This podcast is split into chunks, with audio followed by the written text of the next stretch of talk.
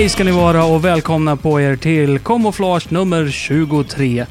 Jag heter Henrik Andersson som är programledare för den här inspelningen och idag ska vi tala, mina vänner, om historien bakom det underbara SID-chippet som är själva basisen för hela det här programmet. Men först ska vi ta och lyssna på en melodisnutt som låter på det här viset.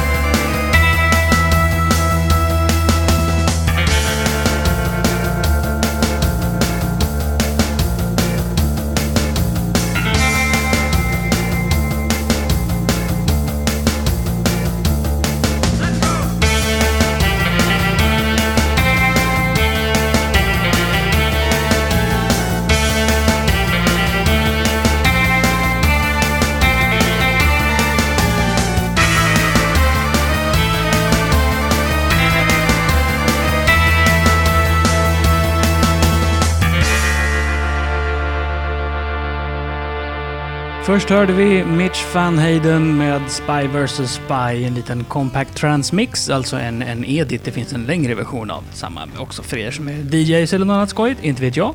Följt av Mackes version av Forbidden Forest eh, som han kallar för Spider Surfing och det är ju skojigt därför att det är som surfrock och sen så är det ju spindlar med i spelet. Vi ska prata om eh, SID-chippet. Det är alltså det musik eller ljudchippet som sitter i Commodore 64. Och eh, historien börjar faktiskt 1969 då företaget Moose Technology startade. Moose en förkortning för Metal Oxide Semiconductor och eh, det de sysslade med var att tillverka chip helt enkelt. Eh, de uppfann eh, flera eh, ganska grundläggande chip. De hade en egen teknik som gjorde att de kunde göra chip billigare än andra. Det var så pass billigt i början att folk trodde att eh, att det var fejk, alltså att det var någon form av skitchip de hade gjort. Men sen så upptäckte de att så var ju inte fallet och så blev det här företaget ganska så stort och populärt. Eh, de gjorde till exempel ett eh, chip som ensamt kunde sitta på ett kretskort och vara en Pong spelautomat åt Atari. Bra va? Eh, under den här tiden så var det ett företag som hette Commodore Business Machines som mestadels sysslade med att göra miniräknare. De köpte Moose 1976 och eh, senare bytte Moose namn till Commodore Semiconductor Group. Eh, även fast man då hade bytt namn till CSG så fortsatte man då att trycka Moose-loggan på de chippen man tillverkade. Ehm, 1977 var det en kille som hette Al Carpentier. Carpentier, han har ett mystiskt efternamn. Som började jobba på ett chip som man kallade för VIC. Eh, det var det chippet som senare skulle komma att sitta i datorn kallad VIC-20. Han eh, arbetade på det i några versioner och 1979 så anställde man på företaget en kille vid namn Robert Jannes som eh, hjälpte till och byggde till eh, bättre ljud och mera färger till det här chippet. Och 1980 släppte man så VIC-20 som eh, blev en eh, ganska så eh, bra succé för Commodore kan man ju säga. 1981 började Robert Jannes att bygga på det som skulle bli SID-chippet. Man arbetade ungefär fem månader, det var den tiden man hade på sig att sätta ihop det här chippet. Och under den tiden så hade man höga ambitioner. Man skulle få in 32 röster och lite av varje. Men i slutändan så fick man tre röster eftersom tiden i princip tog slut. Likväl som utrymmet på själva chippet. Man hade helt enkelt inte plats att stoppa in de saker man hade förhoppningar om att få dit. SID-chippet satt i Commodore 64 förstås. Den satt även i ett par andra burkar. Man känner förstås till 128 men även en eh, burk kallad CBM 2 som eh, fanns en kort tid på marknaden och den förenklade versionen av Commodore 64 som hette Max som fanns ännu kortare tid på marknaden. När man presenterade Commodore 64 så hade man en liten diskett med sig med diverse demoprogram. Musiken på den här demodisketten räknas som eh, den allra första Commodore 64-musiken. Och den lät så här.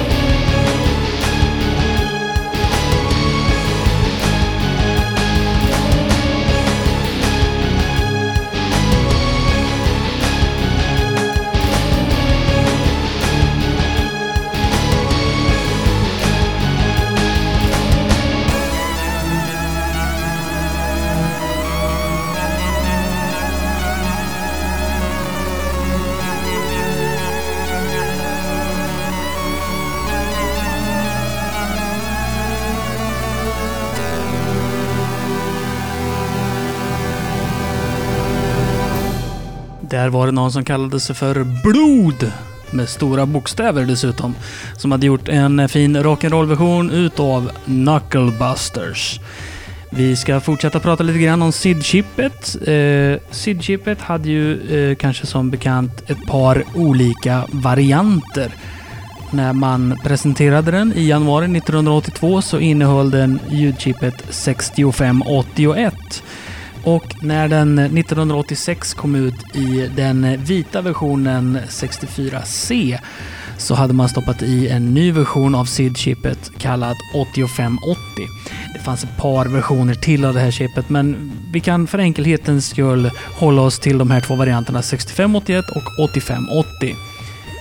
Skillnaden eh, är ju att 8580-chippet byggdes för att mer följa de specifikationer som hade skrivits för originalchippet. Originalchippet hade egentligen byggts lite felaktigt, vilket hade gett ett lite karaktäristiskt sound som många musiker använde. Det betydde att när man då utnyttjade de här felaktigheterna i chippet för att göra olika ljud, så lät det fel när det lät rätt på det nya chippet. Till exempel så hade man lurat ut ett sätt att spela samplingar på med det gamla chippet som inte alls funkade med det nya chippet. Och det mest vanliga exemplet på det är väl förmodligen titellåten till Skate or Die av Rob Hubbard. De som hade den eh, nyare 64an hörde det här.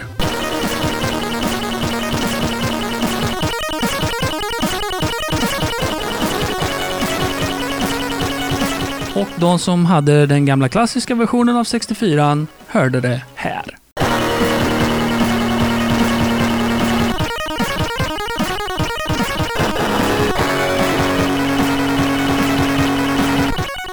Det var ju förstås också så att allt eftersom den nyare versionen av 64 spreds så började folk göra musik på det nya chippet som eh, inte lät som det skulle på det gamla chippet istället. Eh, men där tycker jag att skillnaderna är ganska små, utan det rör sig mest om att eh, filtreringar låter lite annorlunda. Det är inga sådana enorma skillnader som det var där med sampling av, sampling på.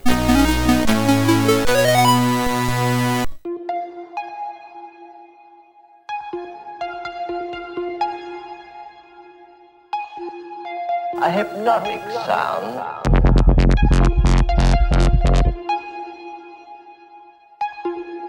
With a musical beat.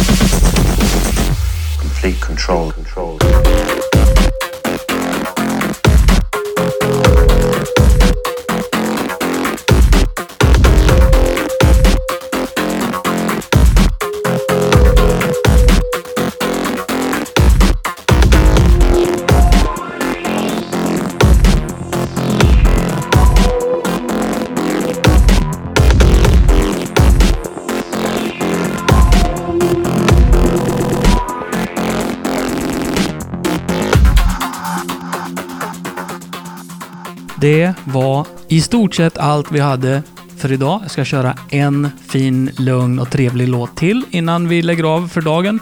Jag är återigen väldigt tacksam för att du har lyssnat. Jag blir jätteglad om du skriver en kommentar här på bloggen eller på min Facebook-sida eller kanske till och med sätter ett litet betyg på iTunes eller till och med kommenterar där. Det skulle göra min dag alldeles glittrande, glädjande glad och med det så avslutar vi med CZ Tunes som spelar JR Kung Fu 1 och 2. Adjö!